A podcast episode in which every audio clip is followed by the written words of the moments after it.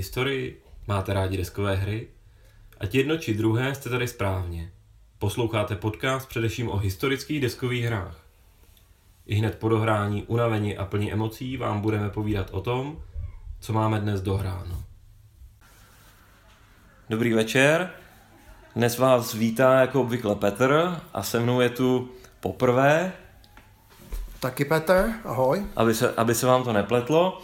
A dnes večer jsme dohráli hru 1866. Ona má ještě takový malý potitulek, ale to si možná řekneme až za chvilku.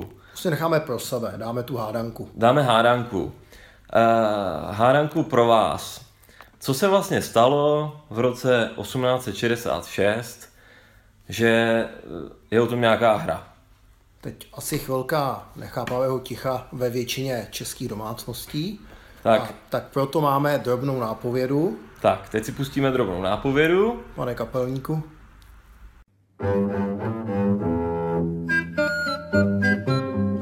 Tam u královýho hradce lítali tam koule prudce z kanónů a flintiček. Do ubohých lidiček. A u kanónu stál a porád ládo, ládo, ládo, u kanónu stál a furt jen ládoval. Doufám, že nápověda pomohla a tak už bychom si to mohli říct. Petře, tak co se vlastně stalo v roce 1866, že o tom někdo udělal hru? Tak rok 1866 byl poměrně zlomový pro Evropu, protože byl to rok válečný po dlouhé době a bojovali proti sobě dva nedávní spojenci, kteří bojovali spolu třeba ve válce proti Dánsku. A utkalo se tedy Prusko s Rakouskem a utkali se o dominanci nad Německem, což zní trošku dneska komplikovaně, ale v té době to byl fakt, protože Německo bylo rozdrobeno do spousty malých států a ty sympatizovali buď s Pruskem, anebo s Rakouskem, což byly takové největší německé, když u Rakouska jenom částečně státy. Mm-hmm. A složitá situace byla i v Itálii, že jo? No jasně, Itálie se sjednocovala též a hrozně jí vadilo, že Rakousko drží bohatá území jako třeba Benátsko nebo Tyrolsko a chtělo samozřejmě je dobít. Takže se v roce 1866 odehrál jako poměrně masivní konflikt. Zapomínáš na pana Bismarcka, to byl takový velice chytrý pán, byl to, a teď možná lžu, ministerský předseda, Uh, říká se kancléř. Kancléř, kancléř. A ten právě domluvil uh, to spojenectví s Itálií, které vedlo k tomu, že Rakousko bylo nuceno bojovat na dvou frontách.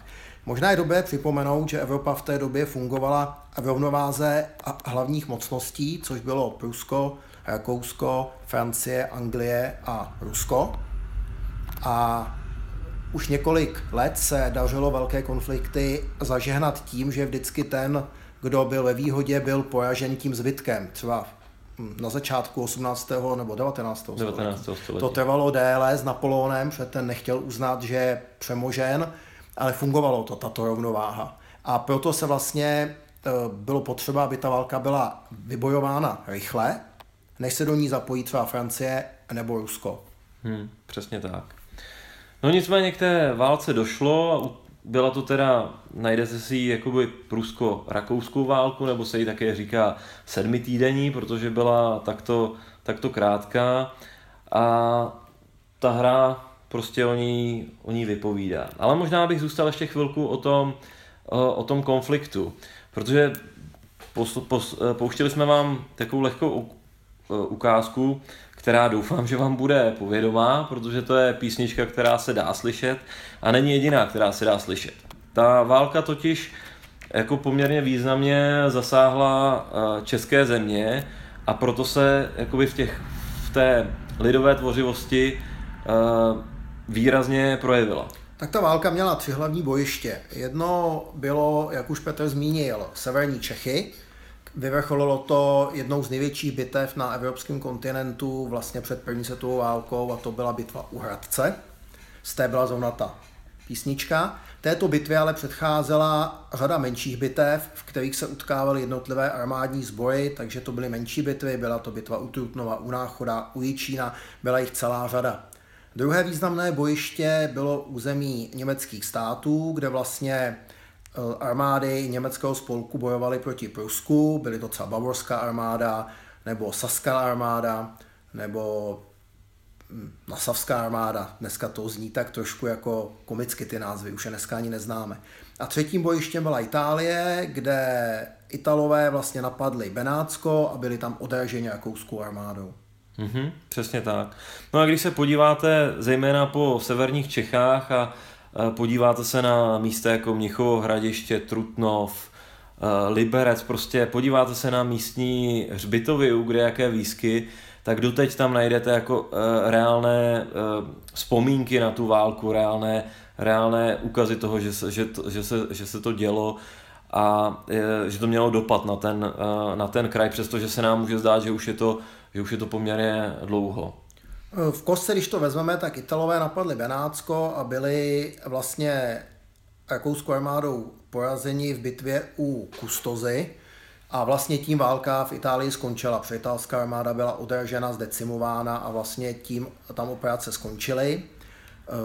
V Německu tam probíhalo několik bitev, ale obecně armády německých států nebojovaly proti Prusku s nějakým velkým zápalem, tak tam válka velice rychle skončila. Nejpevnější se ukázali Sasové, ty po obsazení Drážďan Prusy ustoupili do Čech, tam se spojili s rakouskou herskou armádou, která se pak postavila, byla to takzvaná severní rakouskou uherská armáda pod vedením eh, polního maršálka Benedekta.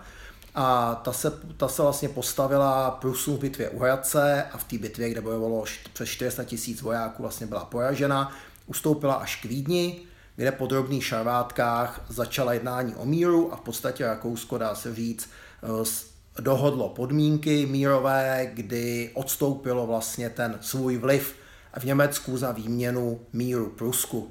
Mm-hmm. Prusku pak už zbývala vlastně Bismarckova jediná věc, ještě byla válka prusko-francouzská a po ní už se pruský král stal německým císařem, čím se položily krásné základy první světové války a těmi druhé světové války a to už jsme skoro v dnešní době. To už jsme přesně tak, to už jsme skoro v dnešní době. No a Petr zmínil uh, tu významnou událost a to je bitva uh, u Hradce Králové, což uh, bylo to větší než bitva u Slavkova? Uh, mnohem, mnohem. mnohem. Bitva u Slavkova 80 tisíc francouzů proti nějakým 100 tisícům spojenců, Rakušáků a Rusů. Tahle bitva byla tuším 210, 220, prostě opravdu veliká bitva. Hmm Eh, byly to dvě kompletní pruské armády plus jedna menší a vlastně celá severní rakousko-uherská armáda. Takže se vlastně bavíme o největší bitvě na, na našem území.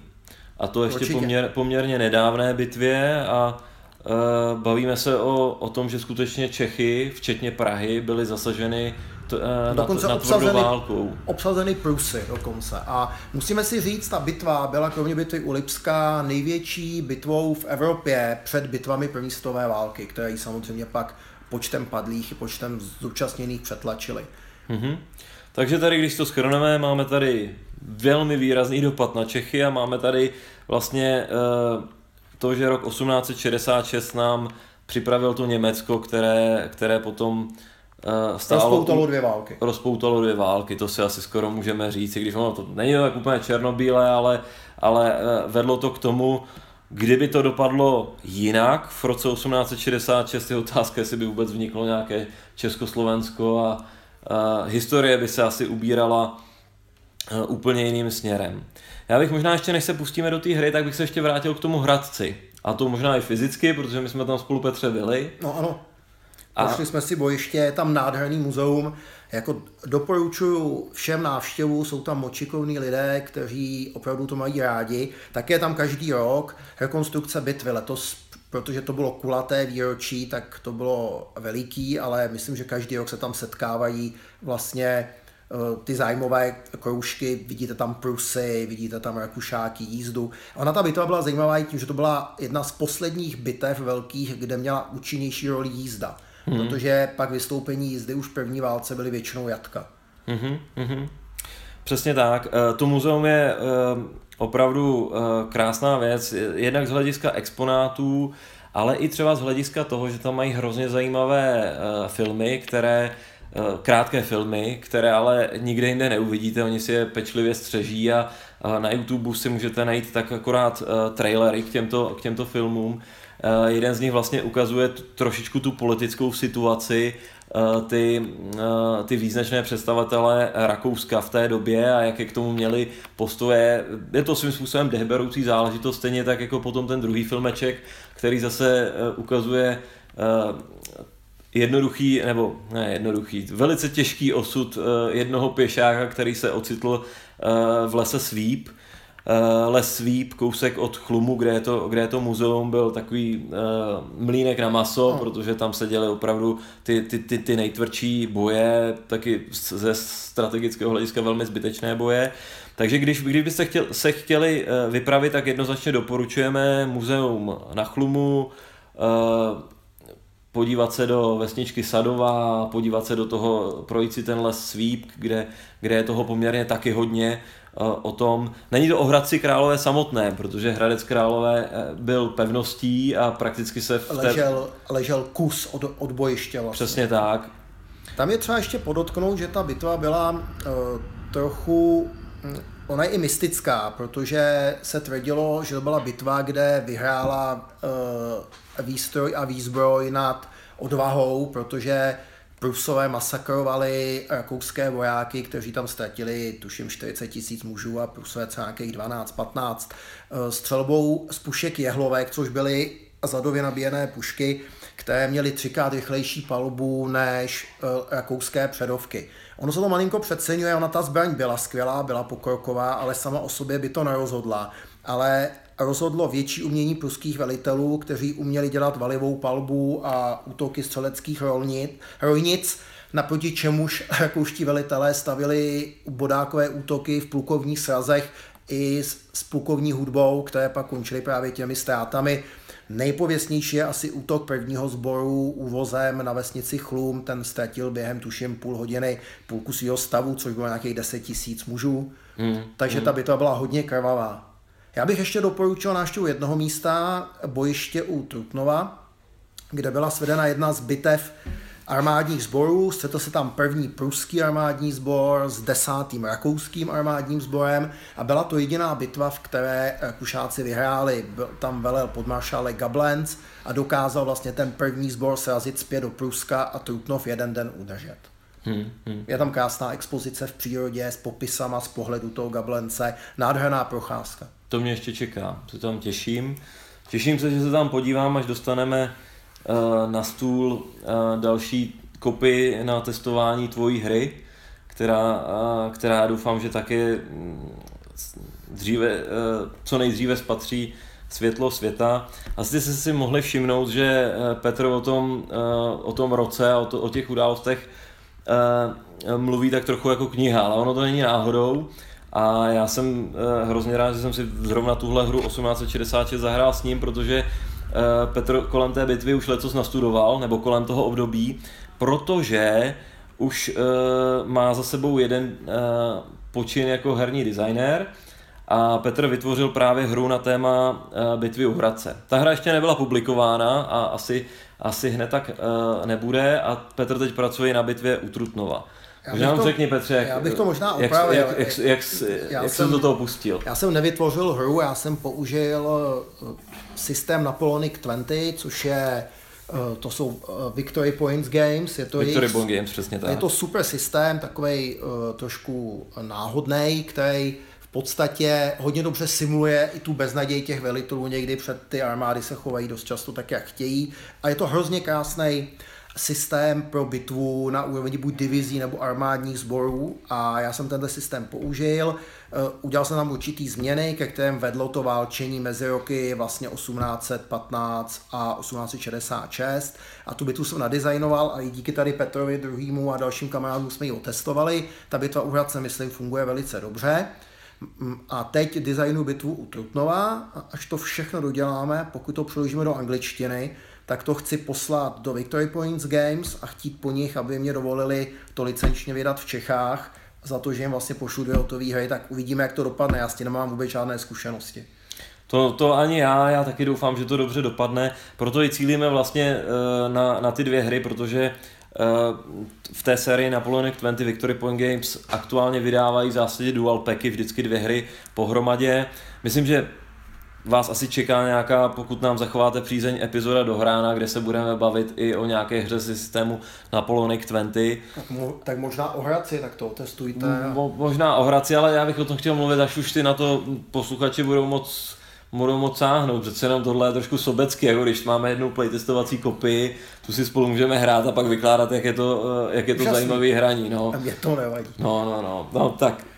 Takže to, to, tolik jako malý teaser na, eh, na uh, hru o význačné bitvě u Hradce Králové a u Trutnova, která doufám třeba příští rok spatří světlo světa a, a bude, bude k dispozici, protože je to taky počin, který si myslíme, že jakoby může zasáhnout spoustu hráčů. Ten systém prostě není složitý na hraní a přitom jako píše krásné příběhy a, a je, je a, dostatečně zajímavý. A má to pro nás i hrozný, hrozný spirit, protože se to dělo na našem území a bojovali tam naši předci. Ona spousta jich bojovala i v té Itálii, ale spousta jich bojovala v řadách rakouské armády vlastně u Hradce, protože to byla vlastně naše širší vlast v té době, podunajská monarchie. Hmm, přesně tak. No, nicméně, eh, pojďme se pustit do 1866. 1866 The Struggle for Supremacy in Germany. Teď už řeknu i ten podtitulek, protože to je to hlavní jádro. Je to hra, kterou eh, vydali eh, Compass Games a eh, designér je John B. Firer, což je člověk, který vůbec netuším, jestli má za sebou ještě nějaký jakoby jiný, jiný design. On víceméně píše v, v designu Notes k téhleté hře, že, že vlastně měl taky rakouské předky, a proto, když eh, se o to, proto se o to téma začal eh, zajímat a když zjistil, že vlastně nikdo žádnou hru, která, eh, která by mm, vyprávěla o celém tom konfliktu, o celé té sedmi týdenní válce nikdo nic nevytvořil, tak se do toho prostě pustil sám. A vytvořil vlastně takzvané to CDG, kartami řízenou hru, to znamená hru, která je naprosto srovnatelná s hrami typu uh, Wilderness War, Labyrinth, tak lehce i studená válka, ale bavíme se tady o, o trošku složitější uh, Kingdom of Heaven, Hannibal, to je velice známá hra. Takže uh, je to svým způsobem z tohohle pohledu je to velice klasický uh, uh, CDG design, když už jsem nakousnul tu úroveň jakoby složitosti a asi jste si všimli s oblibou srovnávám právě s tou studenou válkou, protože si myslím, že to je takové měřítko pro to, jak, jak dostupná ta hra může být, tak je, je to složitější. Je to složitější zase o ten stupínek, ale zase to není až tak složité, jako třeba když to zase je z jinou hru, která se taky masivně hraje Pass of Glory, tak uh, systémově je to velice podobné, ale Pass of Glory je hra prošpikována různými výjimkami a detaily, když to tady z tohohle pohledu je ten design mi přijde velice čistý v tom, že prostě pravidla jsou pravidla a zbytek, uh, zbytek jakoby speciálních situacích uh, jsou vlastně události na těch kartách a vy nemusíte příliš zkoumat, že zrovna pro tenhle národ by se hra měla chovat trochu jinak, než, uh, než jinde. Takže z toho pohledu prostě klasické CDG, rozumně složité, pokud jste hráli třeba toho Hannibala nebo cokoliv jako složitějšího eh, než studenou válku, tak si myslím, že z pohledu složitosti se do toho můžete, můžete snadno, snadno pustit. A možná s tím měl říct, že je to hra pro dva. To je asi taky důležitý, no. Ono, CDGčka jsou samozřejmě pro, pro víc, ty vlastně naše nejoblíbenější, tak jsou multiplayery, ale tohle je ten klasický design, design pro dva a prakticky tím, že držíte v ruce karty a podle ní hrajete, tak to vylučuje i nějaké jakoby hraní v jiném počtu, jako nějaký solitar nebo multiplayer, tady asi by, uh, by moc uh, nedával smysl. Čili logicky jeden hráč hraje za Prusko a Itálii, ano. druhý hraje za Rakousko, německé státy, německé spojence a pozor, za určitých podmínek může vstoupit do války i Francie, čili pak by ten to hráč hrál i za Francii. Je to tak. A pak jsou tady takové drobnosti, jako třeba generál Klapka, uh, Maďar, který, se, který může pomoci uh, vlastně uh, Prusům proti, uh, proti Rakušanům, kterého jsme za ty hry, co jsme zahráli, dvě hry, jsme, máme zatím za sebou, tak jsme ho ani jednou ve hře ten neviděli. Možná a drobný odkaz, to je trošku odkaz na ty revolty vlastně v Maďarsku, protože Maďarsko se často bouřela šlechta proti Habsburkům, což pak vedlo k té duální monarchii k Rakousku-Uhersku, což určitě znáte všichni. A vlastně tento generál Klapka uh, sfo- mohl sformovat v zádech rakouských armád jakousi maďarskou domobranu nebo maďarskou uh, divizi. Mm-hmm.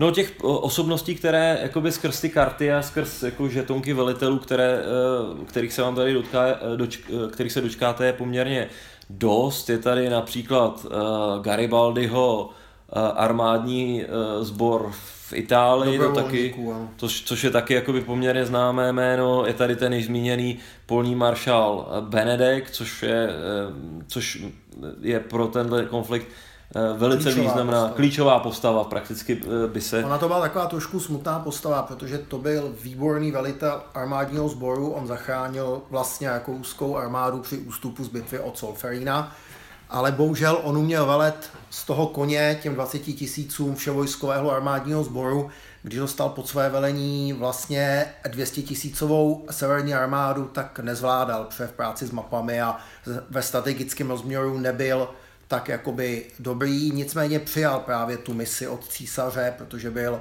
velice spořádaný vlastně jakoby velitel a byl věrný velitel a vlastně až do hořkého konce té prohrané bitvy. Znova pak tu armádu z té bitvy vyvedl ale vlastně trošku je těmi dějinami znectěn, bych řekl. Hmm, hmm, hmm. No, na to doporučuju to muzeum, to je, jakoby, to je o, o něm jakoby hodně. Možná se o něm ještě za chvilku zmíníme. Uh, Helmut von Moltke je taky význačná postava, která je tady na kartě a to je proto, že vlastně vy jste svým způsobem v jeho roli, jste v roli náčelníka uh, toho generálního štábu, nejste tady zase, není to politická hra, je to opravdu strategická hra o tom, uh, o, o té válce, o tom manévrování, o mobilizaci a podobně. A, ale je, je, je tady taky, jméno vám může být povědomé z první světové války, kde byl potom Uh, tohle, tohle byl strýc, jestli se dobře pamatuju. Nevím. nevím. Pak já bych ještě vzpomenul uh, Arceudu Albrechta, asi ho nebudete znát, ale to byl velitel Jižní rakouské armády, to byl ten vítěz o té kustozy, který vlastně vrhnul zpátky tu italskou armádu a on byl člen panovnického dvora, proto oni ho poslali na to jižní bojiště, kde očekávali větší možnost, že vyhraje, než v té pruské válce, takže vlastně Možná kdyby velel on v severních Čechách, tak ta válka skončila jinak. Byl progresivnější trošku velitel, byl, byl schopen útoku třeba z pohybu, byl takový měl větší šmenc než Benedek. Hmm, hmm. Tohle v té hře je celkem, celkem jako rozumně vidět. Je zajímavé, že třeba proti jiným těm CDGčkám, tak eh, tady vlastně eh, ti jednotliví velitelé mají dokonce tři charakteristiky, kromě nějaké iniciativy, Čtyři. což je, eh, čtyři ještě, jakoby, eh, jako stupeň seniority, který zároveň definuje počet mm, vlastně jednotek, které můžou, eh, můžou, eh, které může velet tak je tady iniciativa, což je vlastně obdoba takového toho aktivačního parametru, to znamená generála s aktivací nebo s tou iniciativou 3 jste schopni aktivovat na kartu 3 nebo vyšší, to znamená tady 3 nebo 4, vyšší tady už nejsou.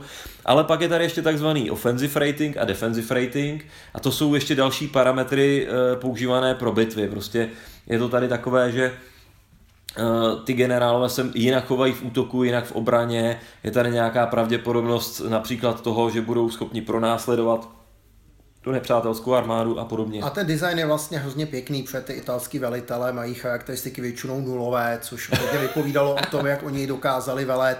Ty rakouští jsou dobří v obraně, jsou, jsou takový hodně pomalí a Prusové jsou z nich jakoby nejlepší, co vlastně krásně ukazuje to, jak oni byli dobře vyškoleni, protože v té době, opravdu Prusové Eh, převyšovali ty velitelé, to umění těch velitelů těch uh, ostatních armád a to zejména jejich střední velitelé a to je v té hře taky pěkně udělané, protože pokud jsou ty vyšší velitelé, co velí těm větším armádním celkům, schopni nebo jsou podobni těm rakouským, tak ty velitelé těch menších uskopení jsou výrazně lepší, takže pak je s nimi velká potíž v té bitvě.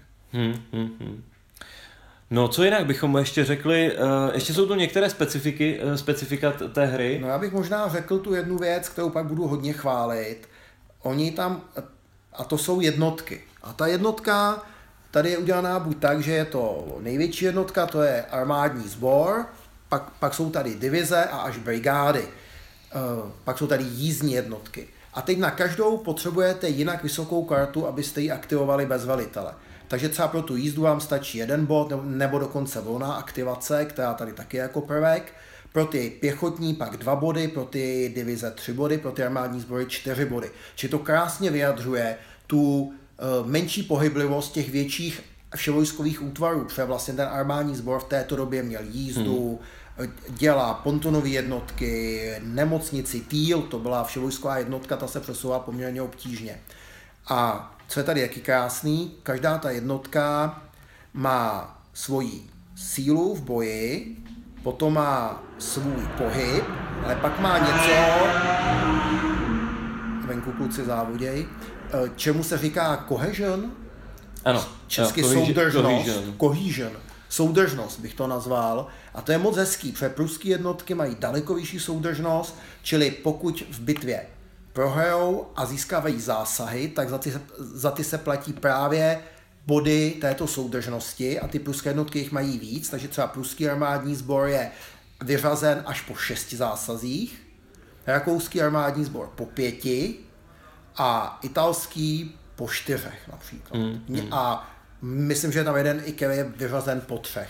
A to krásně ukazuje tu dobu, kdy třeba velice nízkou soudržnost mají ty armády těch německých států, protože to byli vlastně Němci, kteří nechtěli bojovat proti Prusům, kteří chtěli velké Německo. Čili ty armády i po vítězné bitvě třeba se rozpadaly daleko víc než ta pruská udržená, což se což v delším horizontu hry vede k opotřebení vlastně těch jednotek rychlejšímu, to Prusko vydrží daleko víc. Hmm, hmm. Je to mechanismus, který byl použitý třeba i v Pass of Glory, ale sem prostě zapadá a mm, myslím si, že tady dělá hodně z toho, hodně. hodně z toho, z toho prožitku. No.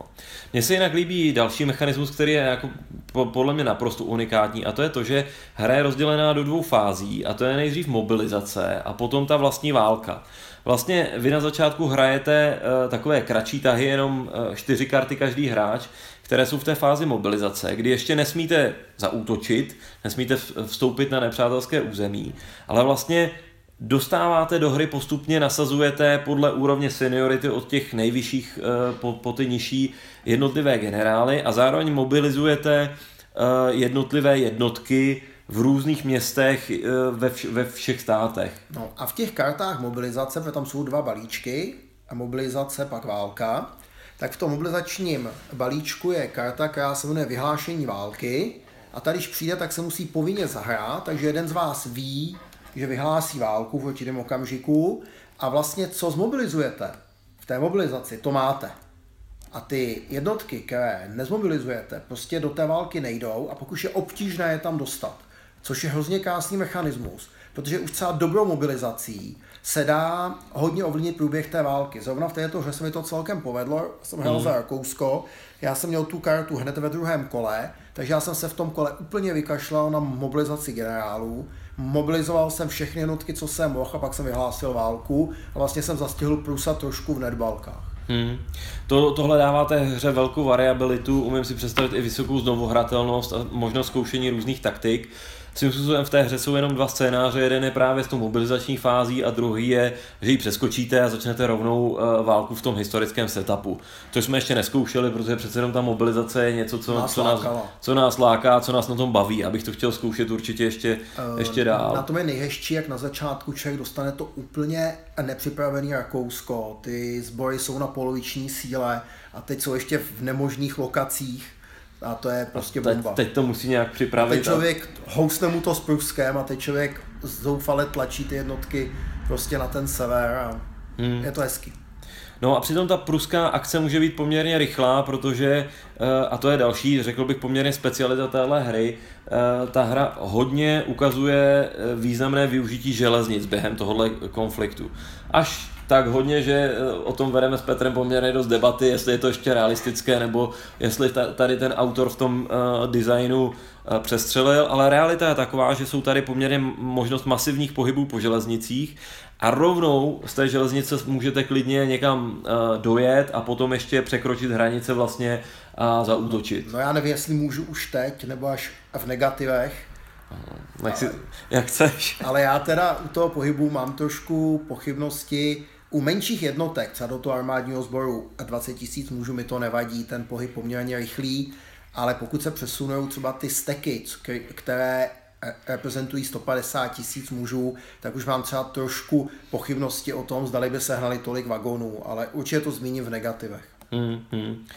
Já tohle nedokážu posoudit. Eh, z herního hlediska Mám pocit, že to tam je potřeba, protože jinak by se tady ztrácely trošku momenty překvapení, ale to je opravdu herní hledisko, to je prostě ten design for effect. Uh, druhá věc je, že samozřejmě jakoby to, že tady ten aspekt těch železnic je, tak to je ne, samozřejmě ne, dobře. Ne, ne, to je super. Před ty železnice se v té době uplatnili, použili je i Rakušáci při mobilizaci, uh, a zrychlili tím přesun jižní armády, když kryli Vídeň po porážce u Hradce. Prusové to použí, používali masivně. Přesně jo. tak, měli část ge- eh, generálního štábu, která vlastně nedělala nic jiného, než dělala jízdní řády a plánovala, koordinovala tyhle věci. Ale když už jsme u toho, já jsem, vzpomněli jsme Království nebeské, Kingdom of Heaven, moji oblíbenou hru z křižáckých válek, a tam je podobným principem řešen pohyb po moři. Ovšem je tam úplně úžasná mechanika. Vy vyplácáte kartu, tuším čtyřkovou, velice silnou, za pohyb po moři, a pak si hodíte a na určitou pravděpodobnost, tuším, že je to pade na pade, neseženete lodě a to je třeba hezký, protože hmm. to je takový moment, který mi tady třeba trošku oslabený. Trošku mi tady chybí to schání těch vagónů. Hmm, hmm. A as, as, asi jo. No, uh, co ještě? No, uh, nezmínili jsme, že tahle ta hra má point-to-point mapu, k tomu já se asi vyjádřím potom ještě za chvilku v těch pozitivech, uh, negativech.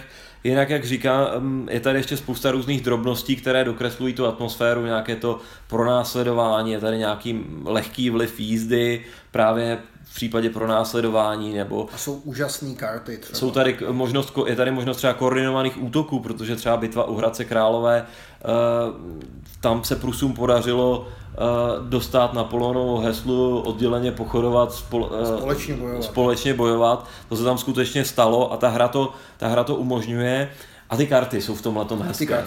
Asi bychom měli ještě zmínit kartu byla jí svedena jasně, bitva, ne? Jasně, tu jsem si tady nechal. Byla jí svedena bitva, to je poměrně mystická věc kolem bitvy u Hradce, protože eh, po asi osmi nebo devíti prohraných bitvách lokálních a jedné vyhrané nebyla ta rakouská severní armáda v dobrém stavu. A tehdy Benedek, který si přestával věřit, psal císaři, prosím uzavřete mír, jinak eh, dojde k tragédii armády. Císař mu odpověděl, uzavřít mír není možno, pokud je to nutné nařizuji ústup. A pak tam byla ta věta, byla, byla již svedena bitva, nebo taky ještě se to může, což byla svedena bitva. On, nikdo neví, kdo to tam dopsal. Mohl to být sám eh, císař, mohl to být i náčelník jeho válečné kanceláře. Ovšem Benedikt to pochopil tak, že bez bitvy se neustupuje a proto celá severní armáda zaujala to postavení u té Sadové, u toho Chlumu, u toho Hradce a vlastně střetla se s tou celou vlastně pruskou branou mocí, která tam postoupila těmi třemi proudy vlastně v těch třech oddělených uh, nástupech. A ta karta tady je a ta karta je úžasně designovaná, protože ta karta umožňuje pro víc útok libovolnou svojí nebo soupeřovou armádou. Takže buď můžete pro víc útok svojí armádou, i když ji vede poměrně velitel, který se třeba špatně hýbe, a nebo teda ho provedete, a to jsme dělali tedy spíš my, s tou soupeřovou armádou a vylákáte ji do nějaké poměrně eh, nevýhodné pozice, protože možná jsme neřekli, že na té mapě mají velký vliv řeky, a to jak do pohybu, tak do boje. Mm-hmm. Takže je ideální tu soupeřovou armádu nalákat ke své opevněné pozici přes řeku a vyprášitý kožich. Hmm, hmm, přesně tak. A na ty kartě ještě hezký to, že ji povinně musíte zahrát na tu událost, protože pokud to neuděláte, ztratíte vítězný boj.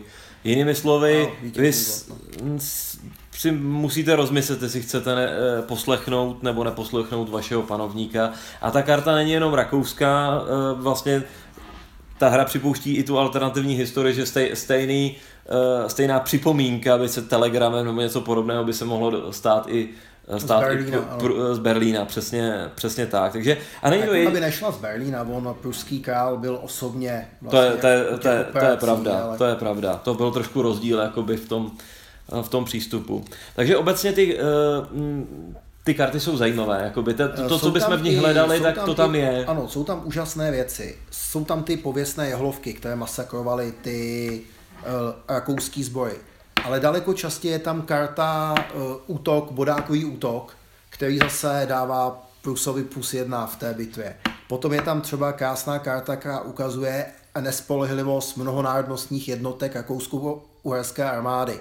Oni to vysvětlují teda v popisu nespolehlivostí Čechů a Poláků, ne, Čechů Maďarů, a Maďarů, Maďarů myslím. Čechů a Maďarů, což se mi úplně nelíbí. Ono to spíš vznikalo tak, že ty velitelé byli většinou německy mluvící, nerozuměli tomu jinak hovořícímu mustu, neznali ani mapy třeba v těch Čechách, tak spíš to vznikalo z těch určitých zmatků. Hmm, hmm.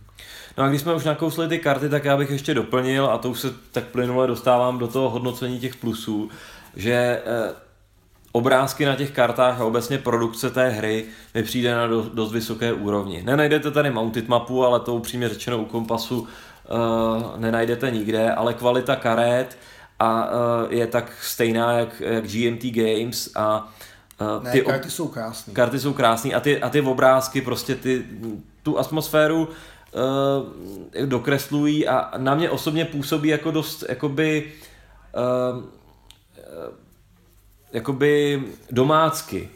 Že to prostě z toho cítím, že to je ta věc, která se dělá v Čechách, protože prostě jako obrázky z toho najdete, já nevím, na nějakých starých chalupách a podobně. Jasně. To prostě, eh, to, je, je, nám, je, je to prostě blízko, jo, z hlediska těch, i z hlediska té grafiky. Spousta jich je teda stejných, který používám v Hradci. no, to je jedině dobře, to je, to, to je jedině dobře. Takže já, eh, já se asi rozpovídám o těch, eh, o, o těch, o těch pozitivech.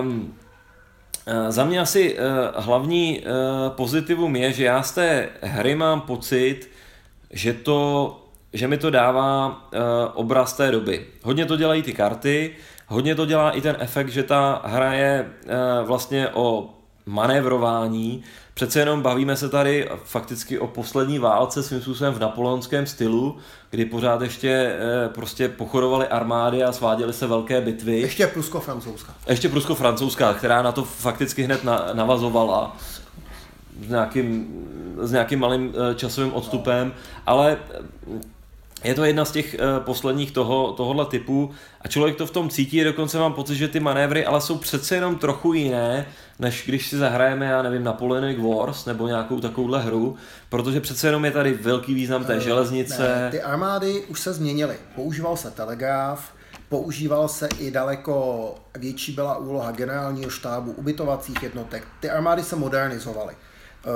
Takže vlastně ta armáda už byla modernější. Co bylo třeba daleko modernější, byla děla. A to naprosto měnilo pak situaci mm. na těch bojištích. Jo. Mm. Takže ty armády byly pohyblivější, fungovaly už jaksi promyšleněji, byly ty telegrafy, ta přeprava vlastně za pomoci železnic, takže jo. rychlejší určitě. Ale u Hradce eh, byly ty útoky v těch srazech, o kterých mluvíš, to pochodování proti těm jednotkám na obou dvou stranách. Předváděli to s oblibou Rakušáci, ale předvedli to i Prusové asi dvakrát, pokaždý to skončilo jatkami. Mm, přesně, přesně tak. Ale z toho, jakoby, když v té hře hraju a manévruju těma jednotkama, tak právě mám tenhle ten pocit.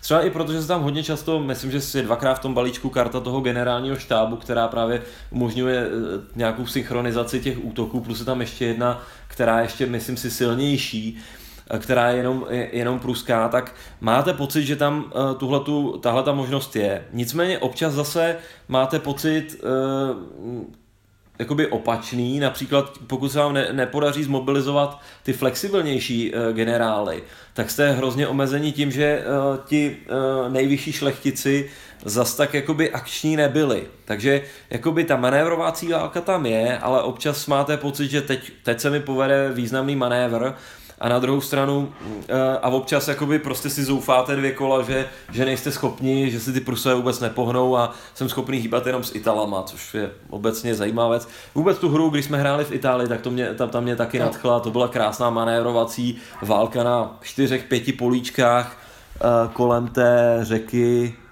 co to je za řeku? Mi, Mincio. Mincio. Mincio. No, Je to v Benát, je to v je, je to někde nad, Benátek, no. je to někde nad Parmou, že jo, Parma, Benátky, prostě tenhle ten, tenhle ten prostor. Uh, takže, uh, takže mě se na tom, to- tohle jako za mě plus je ten, uh, že z toho mám opravdu ten uh, pocit uh, té doby. Já Uh, potvrzuju, ten historický pocit tam byl a ta situace se odehrávala hodně historicky, ale pak budu zmiňovat i v těch negativech, jo? protože je otázka, jak moc je to variabilní vlastně. Hmm, hmm. No, uh, jo, uh, celkem zatím ne, nejsem si úplně jistý, já zatím to beru spíš jako plus, ale po dvou zahráních nevím. Skorování v té hře je vlastně postaveno zaprvé na zisku uh, nějakých klíčových míst a řekněme jako kontrolou nad uh, provincií, což ve skutečnosti znamená nějakou kontrolu nad těmi uh, Obsadit Sasko nebo Čechy. No, přesně tak, ale spíš se bavíme o těch menších německých státech, jinde, jinde je to dost nepravděpodobné, ale nejvíc se tady skóruje za, za vyhrané bitvy, jo? což mě to taky dává smysl, protože popravdě řečeno, uh, popravdě řečeno ten, uh, ten konec té války vlastně ukončil náš císař pán, a to tak, že prostě viděl tu sérii těch, eh, těch prohraných bitev a už jakoby nevěřil v to, že maj, mají šanci nějak pokračovat.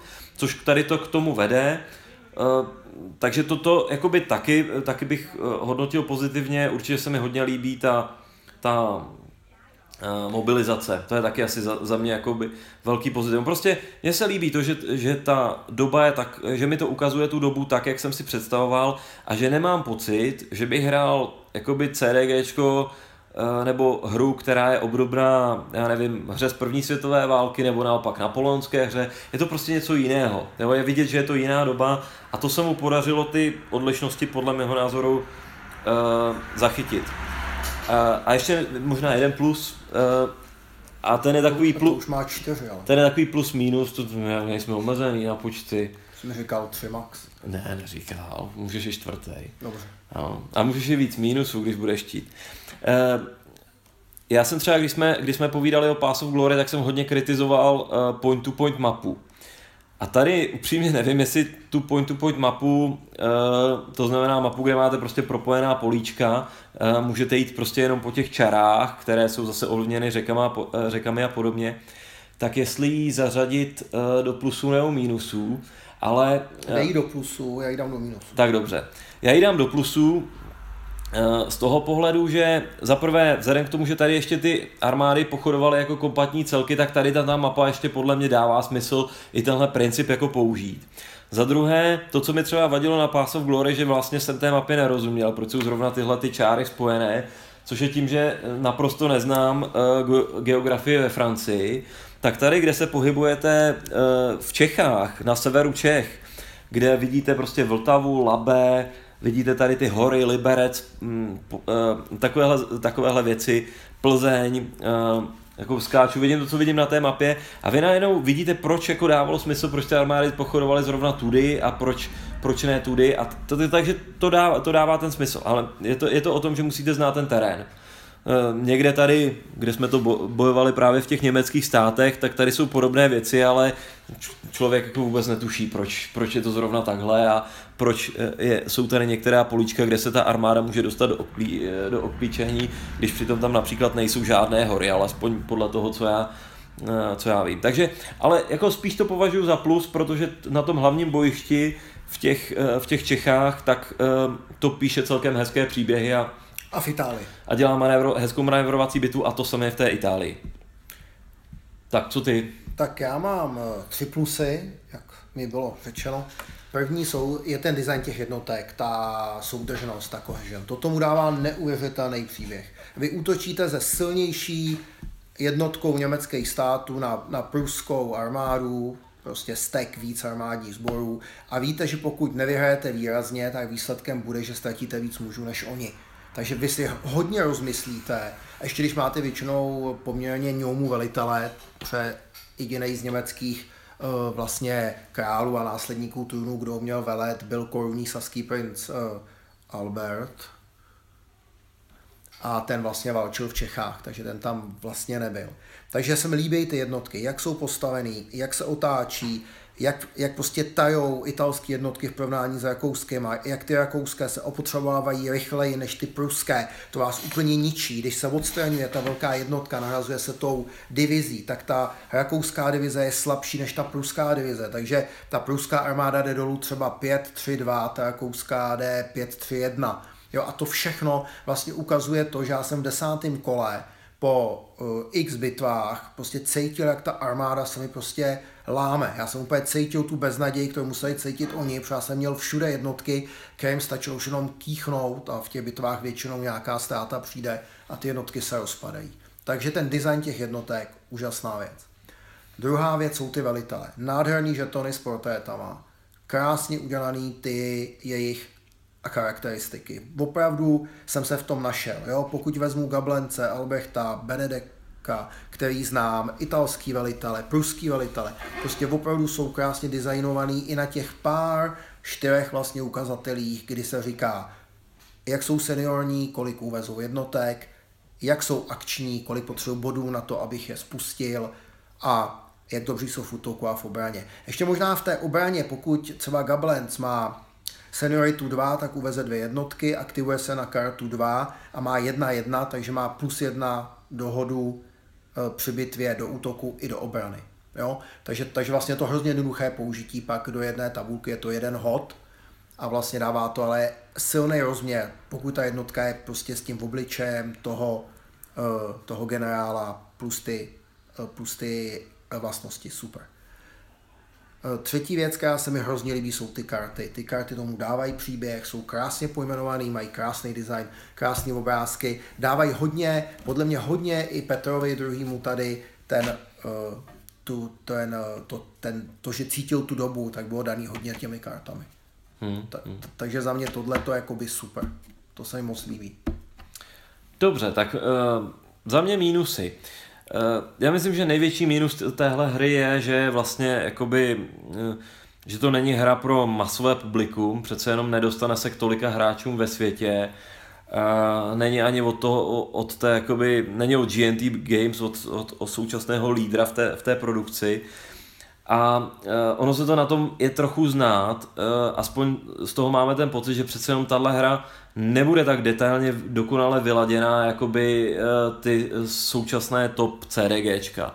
Jo, to, máme samozřejmě těžko hodnotit tohleto po, po dvou hrách, ale máme nad tím prostě nad spoustou situací, které tady nastaly uh, uh, otazník a uh, takže to je jakoby tak, když, když, když to schrnu jako celek.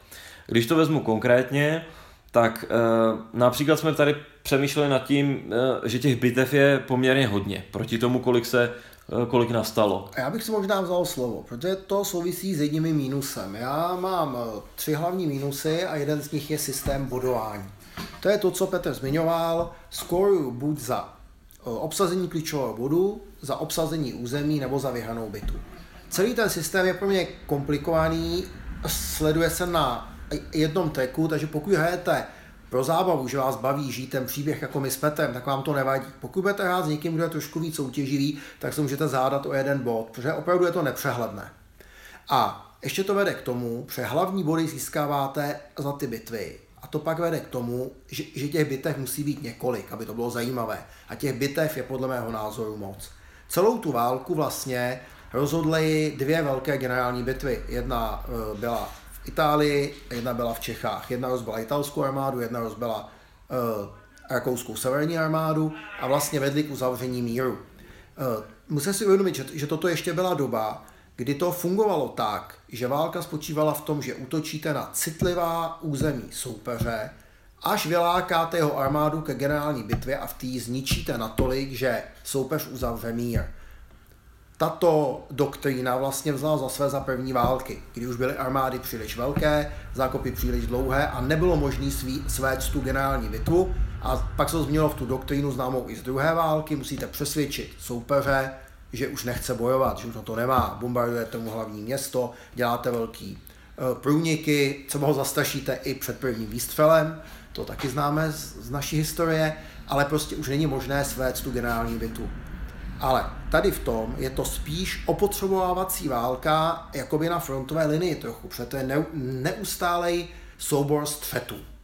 Hmm. A to mě tam trošinku vadí, Petrovi taky, i, I když teda máme na to i takový názor, a to no, Petrovi. Jakoby je fakt, že eh, je tady možná to trošku uh, ta abstrakce, že přece jenom jeden ten tah je vlastně uh, přibližně jeden ten týden nebo trošku kratší doba, takže pokud se odehrají dvě bitvy po, na, dvě, na dvě karty po sobě, tak to prostě může znamenat to, že je to jedna bitva, která je dopoledne, odpoledne. Ale už to vyžaduje, to, je to určitá míra abstrakce, už to vyžaduje určitou míru představivosti nad tím. Uh, Čili já například popíšu situaci, stáli jsme Prusové v Terezíně, Kušané v Praze, Svedli jsme jednu bitvu, pak jsme přesouvali jednotky jako posily, pak jsme svedli druhou bitvu, bylo to všechno v jednom týdnu, byly to dvě bitvy 100 tisícových armádních uskupení. A to mi přijde jako hodně.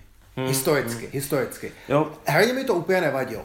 Ale tady může nastat jakoby ta generální bitva, jako byla u, u, toho, u toho Hradce, a e, tím neříkáme, že ta bitva byla jakoby likvidační pro, ty, pro tu rakouskou armádu, to, to zdaleka nebyla, ale byla dostatečně likvidační na to, aby, e, aby prostě... Aby ta armáda ustoupila od Hradce až k Vítni skoro, k Bratislavě. Přesně jo? tak. No. Čili ta armáda ustupovala desítky kilometrů, než se sformovala znovu. Byl to vlastně poražený proud 100 tis, 160 tisíc mužů, který nekontrolovaně ustupoval. Hmm. A tady vlastně ta armáda dostane poměrně hodně naložíno, ustoupí si jedno políčko, trošku se oklepe, přitáhne si jednu jednotku a, a zautočí zpátky. Hmm. Aby získala, ta, aby vlastně dostala takové ztráty, aby nastala tahle situace, tak vyloženě potřebujete nějakou kombinaci jako karet které vám, vám prostě umožní to že, to, že nastane nějaké pronásledování, se dostanou do nějaké pasti, že právě hm, se projeví ta taktika, ty jehlovky, ty, ty, tyhle ty věci. V normální bitvě se to v téhle hře jako úplně nestane. Takže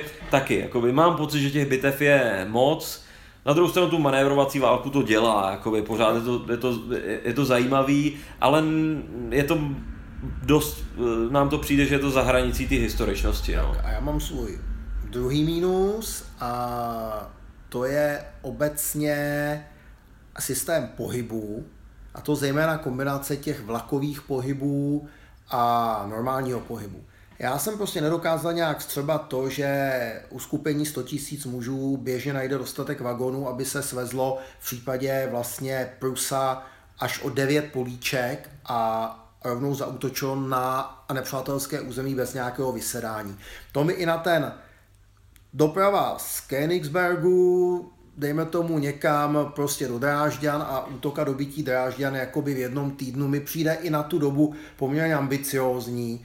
Navíc se dají tyto přesuny udělat klidně v tom týdnu dva nebo tři s těmi velkými steky, což by už teda určitě na pruské královské železnice kladlo jakoby velký, velkou zátěž. Takže osobně se mi tohle to úplně nelíbí a to je historicky. Já bych to nějak omezil, nevím jak, ta hra, ta hra je určitě playtestovaná na jeden pohyb nebo nějaký hod na ty vagóny, a nebo bych třeba dal strategický pohyb a taktický pohyb, ale hlavně mě to trošku i mrzí z pohledu hratelnosti, protože ty železnice nejsou všude a dost často jsou podle mě nadizajnované tak, aby vedly k určitým situacím. A tak se často stane, že prostě přehlédnete jedno políčko, ono se tam ještě počítají i feky pro železnice jako dvojnásobek. A najednou to jedno políčko nadopočítáte a vlastně to je pak to překvapení. A musím říct, že když mi takhle dozad vpadla jednotka od někud ze středního Německa a dojela si vlakem až do Plzně bez problému, tak mě to malinko i rozhodilo, protože já u takovéhle hry nechci počítat. Já se na to dívám jako na mapu v generálním štábu. Vidím jednotky u Frankfurtu, tak se jich nebojím. Eh, to, že jsem nedopočítal jedno políčko, eh, pak mě jakoby stálo určitý mm. obklíčení a to mě tam jakoby nebaví hlídat, když to nejde tím pocitem. Jo, o po tenhle mínus bych se podepsal, na druhou stranu Eh, tady, eh, jelikož já mám zkušenost třeba z Pass of Glory, kde je to taky počítání, ale tam je to likvidační, tam když to nedopočítáš, tak prostě tě obklíčí a celá armáda je v háji. Mm-hmm. Tak tady to, jakoby je to výrazná chyba, může to tvrdě ovlivnit tu herní situaci, ale dost, dost se s tím ještě dá hrát, ale jako je to tady, prostě musíte počítat, vyžaduje to prostě, aby se ty hráči, hráči soustředili na, na tu mapu a, a prostě počítali ty možné manévry svoje i, i soupeře a podle, podle toho hráli. No já říkám, jakoby já v těch železnicích vidím, že je tam trošku jakoby ten design for effect v tom smyslu, že jakoby autor tímhle chtěl jako dosáhnout tomu, aby ten Prus dokázal dělat ty překvapivé útok, uh, vpády do Čech. Uh, já vůbec mám z té mapy pocit z určitých míst, že ta hra byla nadizajnovaná a Prus na tom bylo špatně, tak byly udělané určitý úpravy, který mu pomáhají. Jo? A to zase tomu autoru musím odpustit. Já u toho hradce jsem eh, často u toho designu soupeřil s podobným problémem. Hmm, hmm. A ta point to point mapa k tomu vyloženě svádí. Jo? Když, když si ji prohlídnete, tak zjistíte, že na té mapě třeba neexistuje Šumava. Ano, Tady prostě existuje je... uh, Budějovice, Linec, a mezi tím není žádný jakoby komplikovaný terén, není tady žádné spoždění, naopak jakoby cesta z Prahy eh, až, až do Vídně právě přes Budějovice je velice snadná, když ji srovnáte s tím, jak složitá je cesta jakoby v těch severních Čechách, ale... Třeba do Drážďan. No, před, přesně tak. To je prostě, je vidět, že ta mapa je eh, stavěná na to, aby se na ní odehrály ty historické události tak, jak se odehrály. A tam, kde se neodehrály, tak tam naopak jsou třeba ty vzdálenosti hra, eh, hrozně jakoby opticky zkrácené, že třeba ta Vídeň je ohrozitelná, což je zase proto, aby si to hráči hlídali. Takže tou mapou viditelně podle mého názoru ten designer chtěl jakoby uh, dosáhnout toho, aby uh, hráči hráli historicky. Aby se nestáhl uh, Rakušan na hranici právě Šumavy, ale aby bojoval v těch Čechách a bál se o tom, že někdo pronikne na tu Vídeň například. Jo? Takže to samozřejmě... Ta absence té Šumavy je tam pro nás jako Čechy hodně silný moment, protože Čechy byli v napoleonských válkách a ještě v této době vlastně pas pro ty armády, protože kdo se nechal obklíčit v české kotlině, neuměl ustoupit efektivně přes Český hory. Ono se přesně blbě chodilo i dovnitř, jo. Tak um, je to tak, no. Jo. Takže to je, ten můj, to, je ten můj, to je to druhé negativum. Čili můj první je ten bodovací systém, trošku nepřehledný, eh, neúplně logický přes ty bitvy, pak vede k tomu většímu počtu. Pak je to ten pohyb, který je trošku opravdu nepřehledný. Člověk si i nevšimne, že třeba dvě políčka nemají spojnici, to nečeká. Já bych třeba nečekal, že se nedostanu z hlavy jako na Vídeň nikudy, jo. Musím jít přes Brno, tak ale jo, OK. To je přesně a, ten design for effect, který no, tam jako je vidět. No. A to je ten můj vlastně, no, to je ten můj třetí trošku, to je to třetí negativum. To je podle mě ta mapa hodně řidká v té střední oblasti, kde už to u mě malinko ubírá tomu historickému pocitu z té hry. Takže dokud jsme bojovali a v Německu, Itálii a v severní Čechách bylo to OK. Jakmile se postoupili k Budějovicům, už to na mě působilo malinko špatně, už, už mě to mm, tak nebavilo. Mm, mm. Ta hra je totiž, jako, já mám z toho pocit, že ta hra je postavená na tom, že hráči už musí trošku tušit, kdy vlastně prohráli, protože my vlastně, když jsme se dostali k těm Budějovicům a do téhle části, tak ve skutečnosti já už jsem prohrál. Oh. A ve chvíli, v tu chvíli už jsem měl jakoby eh, položit hru a nedohrávat ji do posledního bodu, nečekat do posledního kola a v tu chvíli by tyhle ty efekty nenastaly. A vlastně se nám stalo to, že mojí nepozorností byla zničena vlastně celá moje armáda právě v hlavě, protože měla ústupovou cestu a ztratil jsem tam v jednom kole asi 150 tisíc mužů, ale eh, Prusové stáli před Vídní, která byla nechráněná, ale bylo desátý kolo, takže prohráli. No. Takže to samozřejmě možná proto teď tu hru i trošku hodnotím přísněji, než bych ji hodnotil třeba po té minulé eh, partii. My jsme to hráli vlastně dva večery, protože jsme si to rozdělili, ten herní čas je trošku delší, to je asi fair říct kdy nám skvěle fungovala Itálie. Tam jsme se obcházeli údolím a odřezávali. Mm, mm, Nádherný to bylo. I ty severní Čechy fungovaly, ale je to o tom, že vlastně ve chvíli, kdy máte velký náskok v těch bodech, tak už musíte tušit, že v tu chvíli jste prohráli, má cenu tu hru uh, ukončit, protože pokud v ní pokračujete, tak vás to může asi dovést do dost podivuhodných situacích, jako se nám stalo. Ale ve skutečnosti, jako když se na to podíváme před těmi, že by to nebylo sedmi týdenní válka, ale řekněme pěti týdenní, tak ten po těch pěti týdnech v našem případě by to bylo prohra Pruska, tak by byl reálně dost historický výsledek a kdybyste se podívali na mapu a na výsledky těch bitev, tak to dávalo smysl. A vlastně Prusové by viděli, že Italové jsou poraženi, v Německu ničeho nedosáhli, tam byla barbarská armáda připravená celkem stála dobře no a byli odraženi vlastně v severních Čechách, takže v této situaci by asi Bismarck je stahl, asi by vymýšlel něco jiného. Přesně, přesně tak. No. Tak jo, tak dáme závěrečné slovo. Chceš začít, Petře? Ukaž mi, jak se to dělá. Dobře, dobře.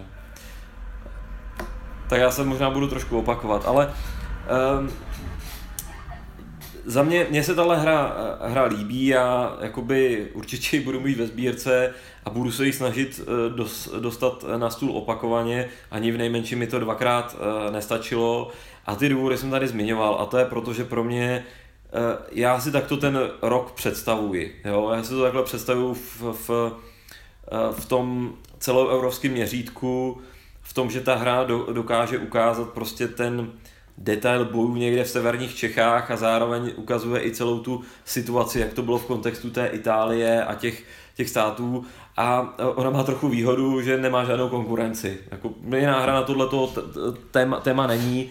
Jakoby, eh, vím, vím o tom, že třeba tu bitvu o Hradce už se někdo pokoušel zpracovat, ale to se bavíme o nějakých hrách pro časopisy nebo nějaké takové uh, menší designy. Teď vychází bitva u Solferina, to je tedy o ježiš, 12 let dříve, vlastně první válka v Itálii, eh, tak se na ní těším, ale to bude rozměr bitvy.